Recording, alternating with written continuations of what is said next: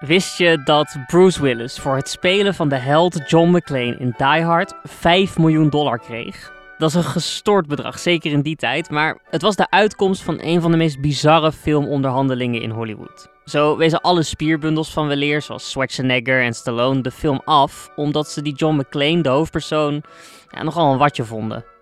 Een gouden kans voor ja, op dat moment nog gewoon tv-ster Bruce Willis, die dus vlak voor de draaiperiode gebeld wordt, weet dat er tijdnood is en meteen een recordbedrag vraagt die de hele industrie op zijn kop zet.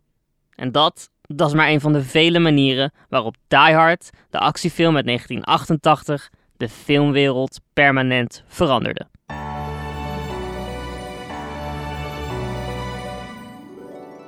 Hallo, ik ben Cesar Majorana. Het afgelopen jaar maakte ik voor VPRO Cinema en iFilm Museum deze podcast op de vijfde rij tijdens het filmfestival van Cannes. Daar dook ik diep in alle verhalen en avonturen die ik ter plekke ontdekte.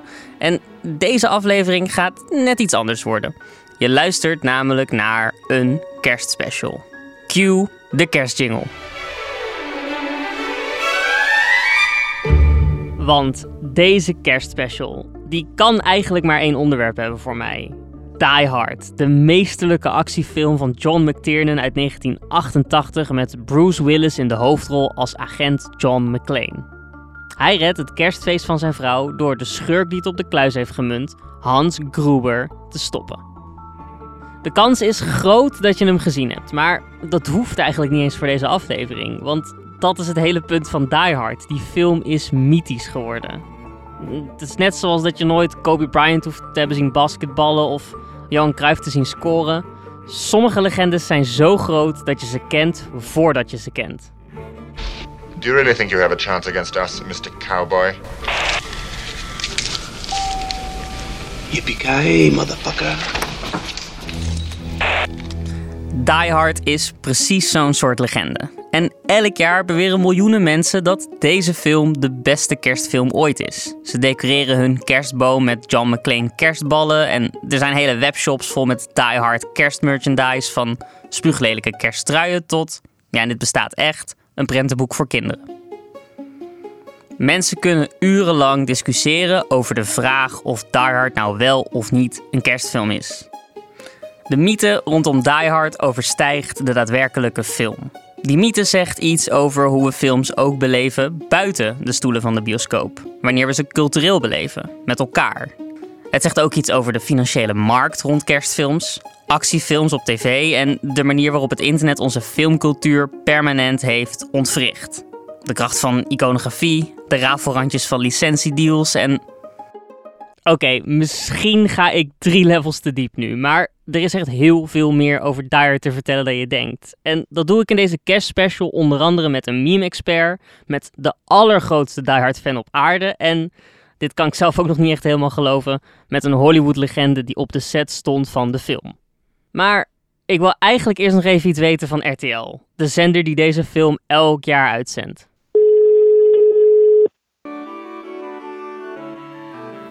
Public service, goedemiddag, wat kan ik voor je doen?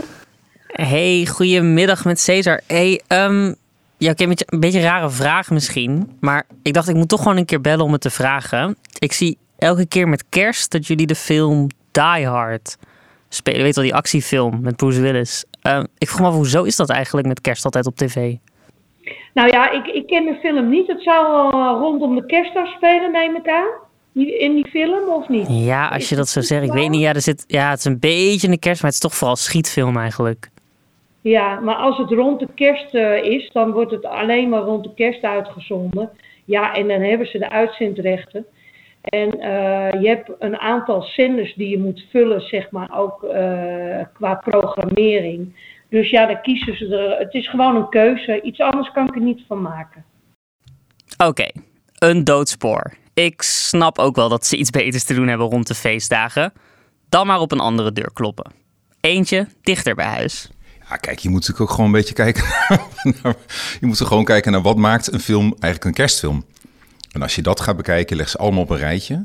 Dan is er eentje die er bovenuit torent en dat is uh, Die Hard. Mijn collega Ronald Simons, programmeur bij AI, is een liefhebber van genrefilms. Westerns, horrorfilms vol schrikmomenten. Dingen die in de ruimte zijn en met lasers en zo. Hij is ook nog eens typisch zo'n Die Hard is de beste kerstfilmroeper.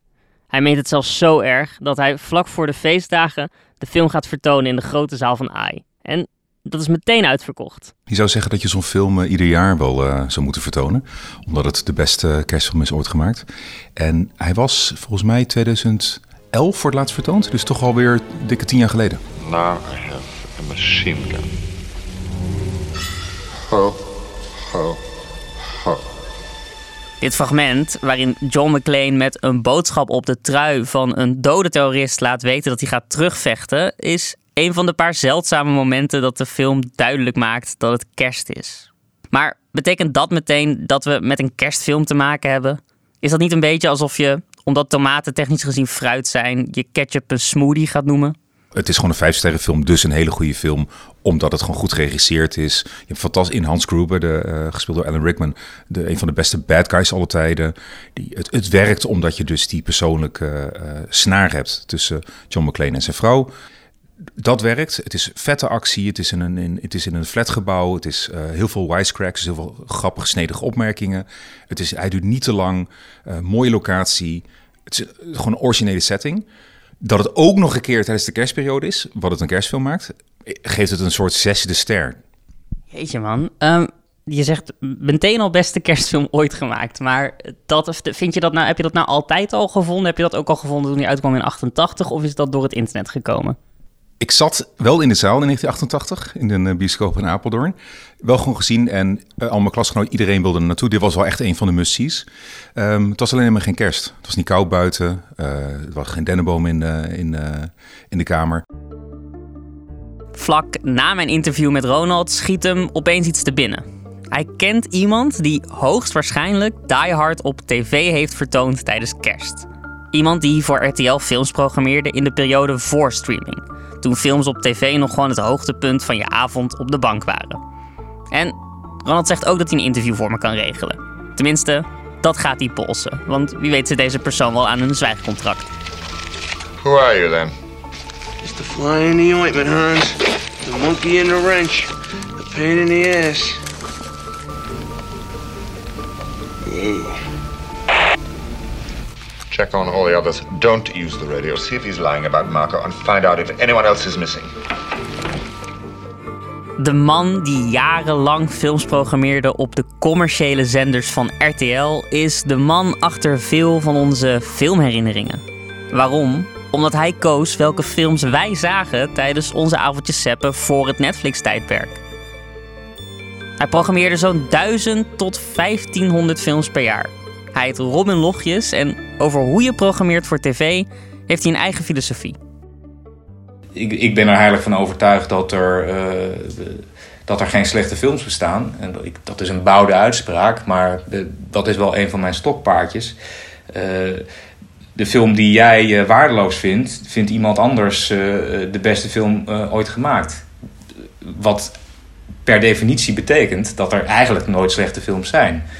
Uh, in, in, in mijn taak bij RTL uh, moest ik dat een beetje achter me laten, maar moest ik op zoek naar de grootste gemene deler.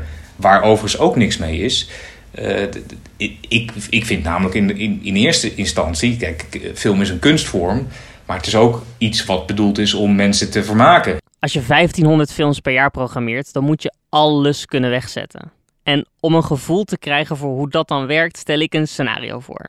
Stel het is 9 uur op maandagochtend. Welke film laat je dan zien? Maandagochtend, 9 uur.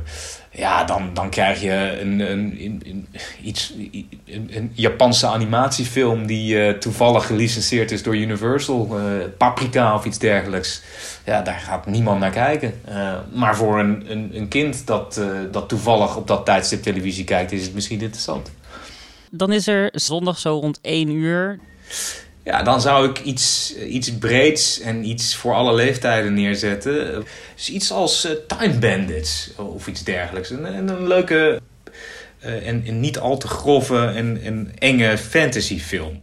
Je merkt het, Robin is een programmeerwizard. Hij weet voor elk moment een titel, maar wat is dan een goede film voor kerstavond? Ja, goed is zoals je weet een, een breed begrip, maar de, de, de film waarmee je het beste scoort is Home Alone. Eh, traditioneel. Niet eens Die Hard. Die Hard is weliswaar succesvol. En, maar is ook, moeten we niet vergeten, natuurlijk een hele mannelijke film. Dus daar kijken zeker veel mensen naar. Maar het is, het is geënt op, op de mannelijke kijker. Home Alone ja, dat is, dan ben je gegarandeerd van een miljoen kijkers. En dat is in Nederland een hoop, echt een hele hoop. Dus ja, Home Alone, per definitie.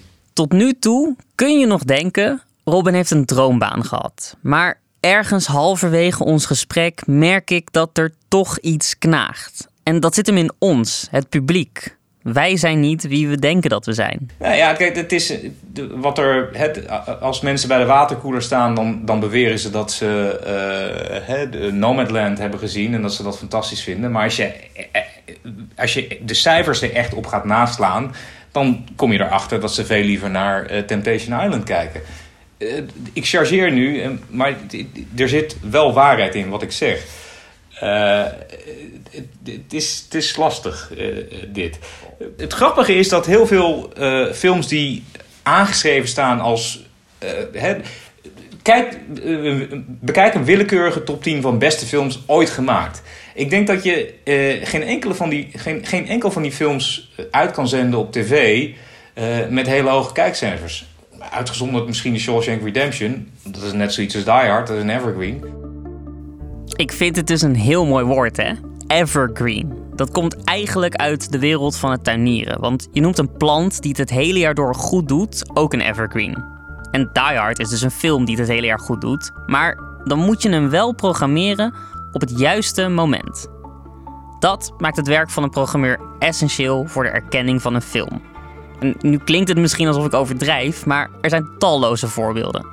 Kijk bijvoorbeeld naar It's a Wonderful Life van Frank Capra. Die werd pas een kerstklassieker toen hij 30 jaar na de première massaal op tv werd vertoond rond de kerstdagen. In de bioscoop in 1946 flopte diezelfde film nog hopeloos. Je probeert iets, iets, iets leuks, iets moois voor mensen neer te zetten. Iets waarvan jij denkt dat, dat mensen dat graag willen zien. En als Die Hard inderdaad op, op kerstavond voorbij komt, dan zullen heel veel mensen denken: ja, dat vind ik wel even tof om die te gaan kijken. Terwijl ze niet zo snel zouden zeggen: van, nou, ik ga vanavond even naar Disney Plus om te kijken of ik uh, Die Hard kan vinden. De kunst van een tv-programmeur is dus de juiste film voor het juiste publiek op het juiste moment. En je moet dan ook nog voorbij mensen hun zogenaamde smaak kijken. Want de films die we unaniem goed vinden, die kijken we niet eens massaal. Maar zelfs met al die voorwaarden is het wereldje van welke actiefilm je met kerst op tv ziet complex. Er zit een financiële kant aan. Als je films wil licenseren voor uitzending op tv, dan moet je uh, praten met de studio's. Want dat is hun businessmodel. Films die ze uitbrengen, die licenseren ze jaar na jaar na jaar na jaar na jaar.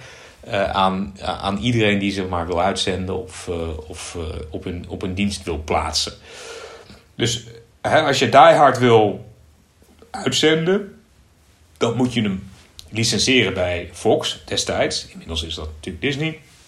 Maar je kan niet alleen Die Hard kopen. Je kan niet Die Hard loskopen. Dat, dat, dat, dan zegt Fox, nou ja, dat doen we niet, want uh, ja, dat is niet interessant voor ons. Dus zegt Fox, als je Die Hard wil, dan moet je ook eh, deze uh, 50 andere titels van ons kopen. Want die hebben we in onze, in onze library zitten. En dan maken we een pakket en dan are we are in business. een studio zal nooit een film losverkopen. want ze willen ook de films Natuurlijk wil iedereen Die Hard uitzenden en, uh, en licenseren. Maar een studio wil ook de films die het minder goed hebben gedaan, uh, willen ze ook nog geld aan verdienen en terugverdienen. Dus dat, die krijg je dan ook in je, in je maag gesplitst. De edele kunst van filmvertoningen op tv is dus het kopen van pakketten met heel veel zooi aan de ene kant en een paar echte paaltjes aan de andere. En omdat Robin de 49 andere films in het pakket, de middernachtfilms, de dingen met Steven Seagal, kon wegzetten, zag ik Die Hard op tv. Ik zat op de bank met mijn ouders tijdens kerst en nu, jaren later, ben ik dus nog steeds geobsedeerd door de legacy daarvan.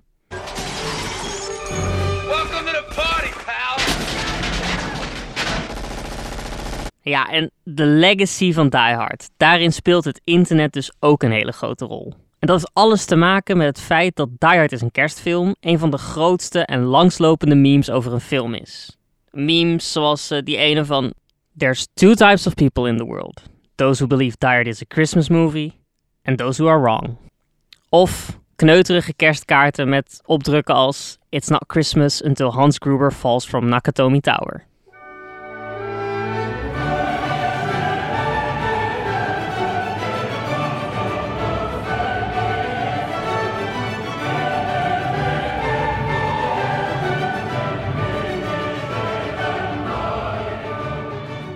Memes zijn meer dan grappige internetplaatjes in de filmwereld. Ze hebben een rol in het vormen van hoe we over films praten. Met een meme worden namelijk culturele ideeën en meningen doorgegeven. In Nederland is er zelfs een fulltime meme-redacteur die voor de NRC in de gaten houdt hoe het internet denkt. Ze heet Sweda Isik en ze is als 23-jarige absoluut de meest opvallende verschijning bij die krant. Van de punkmuziek die ze luistert tot haar felgekleurde verzameling cardigans en hoofddoeken. Ze werd in één klap heel populair na een artikel over de memes rond een andere film, namelijk Shrek. De kinderfilm die de onhandige levenshouding van onbegrepen millennials perfect weet te verbeelden. Ik zoek haar op in het door COVID best wel uitgestorven NRC-kantoor en vraag maar meteen: waarom laat de NRC iemand over Shrek schrijven? Ik doe dit voor de mediaredactie en wij houden dus Medialand in de gaten. Wat is er gaande? En wanneer je kijkt naar bijvoorbeeld Shrek, het is heel bizar om te denken van uh, als je erop komt van 20 jaar na release is het nog steeds super populair. Waar heeft hij dat aan te danken? Aan de memes. En dan zie je dat memes die eigenlijk um, op internet leven, dat zij offline ook echt een impact hebben. En daarom is het belangrijk om een meme-redacteur te hebben. Zweden heeft uitgezocht dat de Die Hard als kerstfilm meme waarschijnlijk is begonnen op de Amerikaanse blog Slate. Daar schreef iemand in 2007 een artikel over vergeten kerstfilms en je raadt het al, Die Hard zat ertussen. Daarna volgde een artikel van The Guardian. Er volgde een bekroning tot beste kerstfilm ooit door Forbes en een hele reeks grapjes op Twitter. En uiteindelijk, in 2018, maakt 20th Century Fox zelfs een nieuwe trailer voor Die Hard waarin de film expliciet als kerstfilm wordt aangekondigd. This is John. Nice beer. He just wants to spend Christmas with the family. Is Daddy coming home with you? We'll see what Santa and Mommy can do. But when he gets stuck at the office party, Merry Christmas! It'll be a holiday. Merry Christmas! He'll never forget. Ho, ho, ho. Die Hard als kerstfilm is daarmee gemeengoed geworden. Wat natuurlijk ook op het internet typisch voor een tegenreactie zorgt. In de memes worden mensen belachelijk gemaakt die Die Hard als een kerstfilm opnoemen, als hun favoriete kerstfilm opnoemen om edgy te zijn. Um, iedereen heeft wel een vriend uh, of een kennis aan wie ze vragen: hey, van wat is je favoriete kerstfilm? En dan wil diegene super interessant klinken en super interessant doen. En dan zegt hij, oh, die hard. Eh, en dan wacht hij af van dat je gaat, uh, dat je verbijsterd bent. Want hè, niemand verwacht dat iemand die hard als een favoriete kerstfilm opnoemt. En in de memes zie je ook een soort van ergernis voor dat soort mensen. Van mensen die eigenlijk die hard als kerstfilm opnoemen of klassificeren om stoer te doen. Wat me al helemaal aan het denken zet, is iets wat Zweden toevallig terloops over Shrek vertelt. Weet je wat het is? Um, nostalgie gaat in, uh, in cycli van 20 jaar. Dat betekent dat wanneer jij als kind 20 jaar geleden naar Shrek hebt gekeken, dan ben jij 20 jaar later nu uh, de nieuwe mediamaker. Jij bent degene die um, op een redactie zit. En jij bent degene die uh, memes de wereld in slingert. En dat zorgt ervoor dat jij een, eh, als jij als kind een soort van band hebt gecreëerd met Shrek, als dat een uh, sentimentele waarde voor jou heeft, 20 jaar later, ongeacht of de film goed is of niet, dan blijf jij daar alsnog van houden. En dus ga jij het heel erg pushen als um, goede content.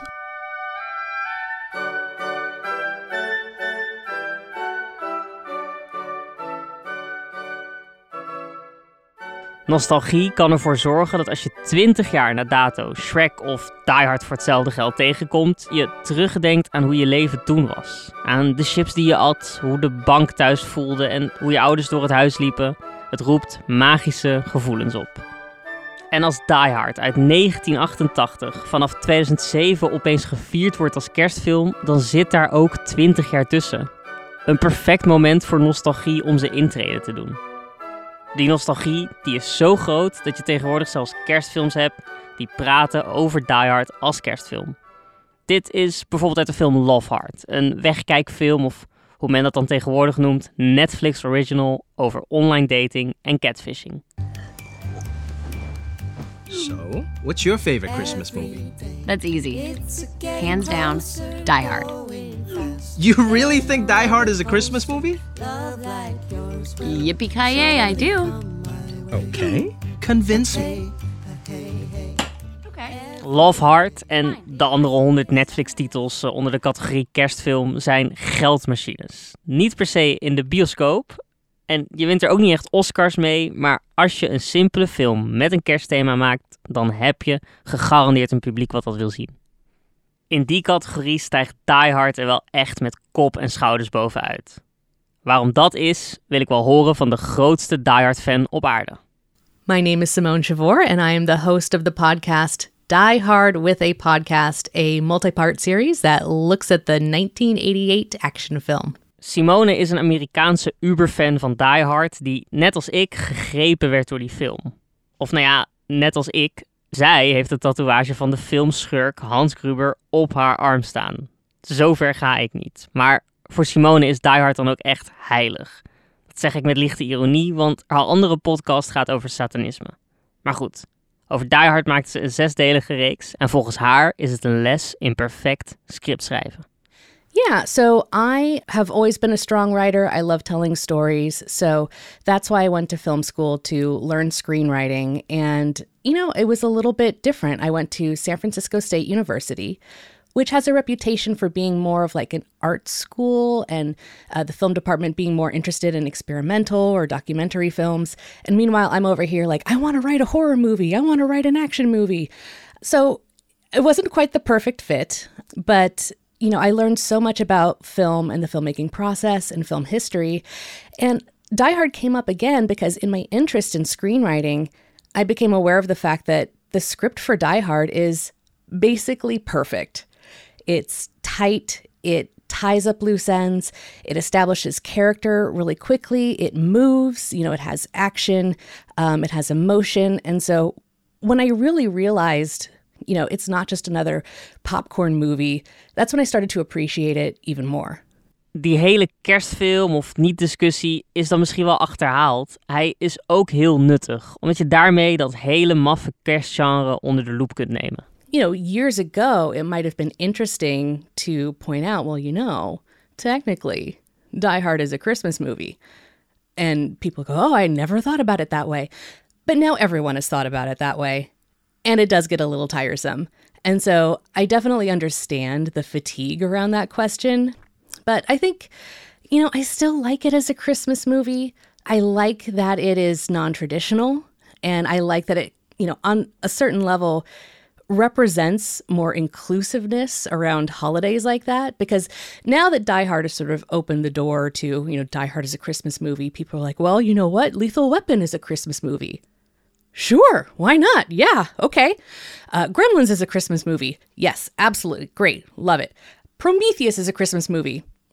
If you say so, sure, I'll go with it. And so while the, the initial uh, debate is kind of settled and a little stale, I, I like that it's opened the doors to looking at other films in this way. Persoonlijk vind ik deze blik van Simone wel echt verfrissend. Maar mijn droom tijdens de podcast is om iemand te spreken die met Bruce Willis op Nakatomi Tower stond. Iemand die daadwerkelijk aan deze film werkte en weet wat de hele bedoeling was van dat kerstthema erin. En na uren zoeken, bellen, bedelen, smeken, wachten en proberen, heb ik die persoon gevonden. Hello, I'm Steven D'Souza.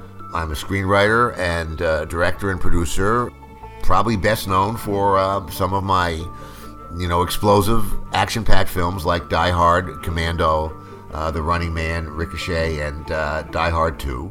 Steven wordt in Hollywood ook wel de scriptdokter genoemd. Je belt hem als je een actiefilm hebt die gered moet worden. En dat is ook hoe het project Die Hard in zijn schoot viel. Hij mocht het script verbeteren toen er al bijna gedraaid moest worden en ontdekte eigenlijk pas op de set hoe kerstig zijn film was. It wasn't until I went to the set and saw Christmas decorations everywhere. In other words, almost every desk in the office building, there were Christmas cards on the walls because every people do that, you know. And then uh, when McTiernan went for this and uh, Demont went for this sort of Vietnam metaphor where the helicopter crashes in, and then it was almost like Vietnam with the the flood. He's in a swamp and the trees are falling over. But he said, you know, this really is very Christmassy. Uh, once we saw the set, and the only reference to not will this be called a Christmas movie was that Joel Silver said, you know, I think I want to have all my movies on Christmas now because then they'll play it on television and we'll get a residual check.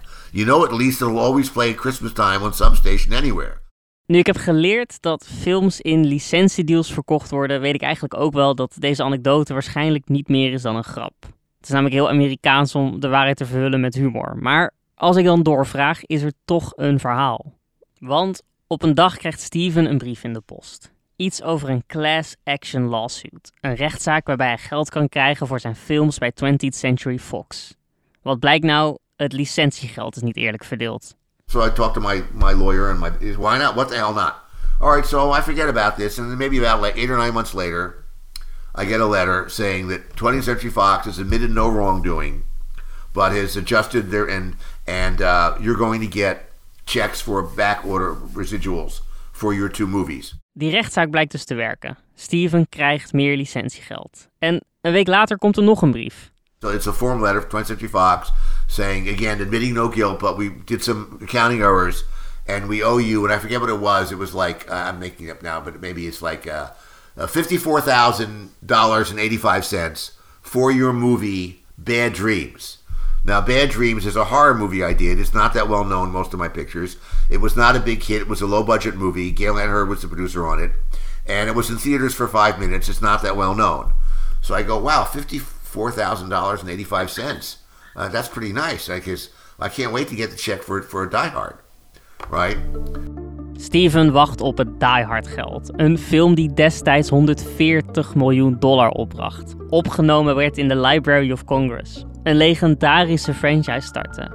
Maar dan... So, uh, about a week later I get another letter, yada yada, and we underpaid you by $54,000.85. And I realize that the package of movies, they split it up equally as, as they do. Die Hard leverde hetzelfde bedrag op als een geflopte horrorfilm. Tja, voor het geld hoefde het dus ook echt geen kerstfilm te zijn.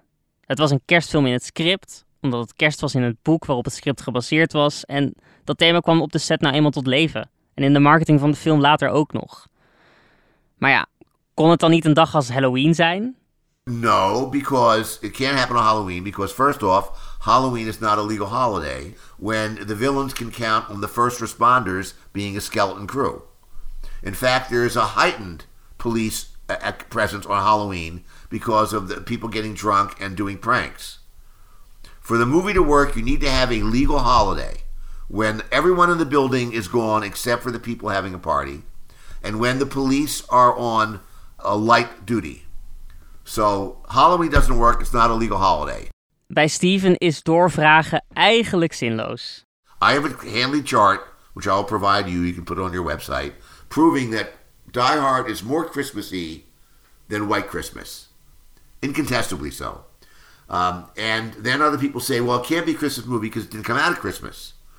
And then I point out that Miracle on 34th Street, another extremely Christmas movie, came out in July. And then they go, well, it wasn't advertised as a Christmas movie. And then I point out that easily can find on the internet the coming attraction for A Miracle on 34th Street, which came out in July.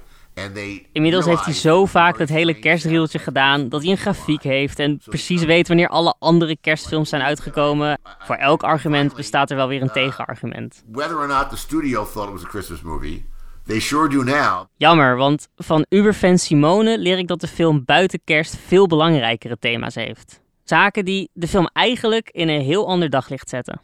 You know, as someone who has studied film and realized the cultural relevance of film, and uh, looking at Die Hard as like the ultimate American action film of the 1980s, there's a lot there that you can look at. And so, you know, in my show, and, you know, also just in general, you can pick almost any one element out from the movie and just analyze the crap out of it. You can talk about how John McClane is a kind of cowboy, you know, patriotic, blue collar, you know, American hero archetype. You can talk about how Holly McClane um, is a Holly Gennaro McLean. And of course, like it's so significant, her name, you know, which name she's using, how she decides to introduce herself as Holly McLean at the end of the film. And it's a commentary on American feminism in the 1980s and how, you know, women are entering the workforce and changing how the, you know, family structure looks and the power balance between men and women. You can look at corporate greed and focusing on money and wealth through Hans there's so much there on top of the whole Christmas debate. Achter de terabytes aan memes en discussies over Die Hard als kerstfilm zit een spannender gesprek. Over zaken die niet zo mooi oud zijn geworden. You know, another thing that the film brings up that does not age well is the fact that Al is on desk duty because he accidentally shot a child. Now, that's an immensely horrible thing. It's something that he should, you know, lost his job over at a minimum. And then in the movie, he redeems himself by being able to shoot Carl. He hadn't been able to draw his gun, he hadn't been able to shoot people, and that scene is like a failing. And so when he, you know, at the end of the movie, he redeems himself by shooting Carl. I mean, it's to save John, but still, when you look at it today, you're like, oh, I don't think that's a good thing. You know, when you're a rookie, they can teach you everything about being a cop except how to live with a mistake. Anyway, I just couldn't bring myself to draw my gun on anybody again.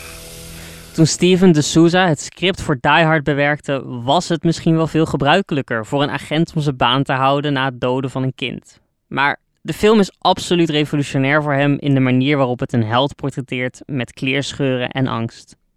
Sterker nog, de latere Die Hard, deel 3 en 4, waar hij niet aan meewerkte, die bewijzen dat als je die waarden weglaat, je eigenlijk de hele kern van Die Hard verpest. And in the first two movies, he's a technophobe. He can't operate a fax machine. He's afraid to fly. He has he shows fear in both those movies. And in the latter movie, he's just like every other superhero, like all the actors who turned down the part of the first one. He's like an indestructible uh, superhuman. One of the reasons the second movie has this scene that I invented where he tries to flat, stop a plane from crashing and fails. That was to beat him up again. We already had the first movie. The, the greatest compliment I got on the first movie was from peers, other people in the entertainment business. They would say, I thought Bruce was going to die. Because once upon a time, America made movies where a hero could die in triumph. De tijd van helden die nog doodgaan tijdens een overwinning is voorbij. Nu leven we in tijdperk van superheldenfilms waar nog zes sequels lang aan verdiend moet worden. En iets anders uit het verleden. We zijn ook niet meer zo bang voor Japanse inmenging in Amerikaanse bedrijven. Another thing that kind of didn't occur to me, but that I found out through research and, and doing the podcast was the portrayal of Japanese people and Japanese Americans in the film. You know, obviously it's the Nakatomi Corporation, headed up by a man named Takagi. And at the time in the late 80s, there was a, you know, kind of a spate of films about, you know, Japanese culture and its intersections with American culture, and how there was kind of a xenophobia um, from Americans towards the Japanese people. It's supposed to symbolize, you know, the the American fear of Japan as a rising economic power and coming into the United States, but also it just leads to a really beautiful set. Hier begint het voor mij ook een beetje te duizelen. Deze film, waarvan we doen alsof hij iets zegt over kerst en familiegevoelens, zegt ook dingen over de angst voor buitenlandse inmenging in Amerika en politieagenten die na het doodschieten van een kind hun baan mogen houden, over rijke mensen met een exclusief kerstfeest en over een miljoenenwinst die absoluut beschermd dient te worden. Ik weet dat het zinloos is om dingen in retrospect te cancelen, maar ik wil dan ook eigenlijk het tegenovergestelde doen. Ik wil dat we massaal Die Hard weer gaan kijken. Dit keer niet met kerstgevoelens, maar met een vergrootglas. Voor de manier waarop films de heersende ideologieën uit hun tijd tonen. De Die Hard is a Christmas movie meme, die is toch al dood. Ik begon deze zoektocht met de vraag of Die Hard überhaupt een kerstfilm is. En dat is het. Omdat een groot deel van het publiek het vindt en de makers zelf ook. Op zichzelf is dat wel genoeg info om je eigen mening te vormen, maar de echte betekenis van al deze gekte is voor mij dat Die Hard tot kerstfilm bombarderen de deur wagenwijd heeft opengezet voor een breder idee van wat dan wel en niet een kerstfilm is en voor wie die film dan bedoeld is. Want eerlijk is eerlijk, kerstfilms zijn vooral financiële producten zonder kritische reflectie. Je ziet christelijke gezinnen samen, gelukkige families, heterostellen. Dingen die in de filmwereld veel te lang mainstream zijn geweest. En eigenlijk heel veel mensen uitsluiten. Die Hard is daartegen een verzet. Maar dat is slechts één van de redenen waarom deze film zo fascinerend is. Want Die Hard is ook een briljante actiefilm. Een perfect geschreven script. Een les in filmroyalties en uitzendrechten een verhaal met de littekens van Amerikaans kapitalisme, xenofobie en politiegeweld in de jaren 80. En inderdaad, een kerstfilm.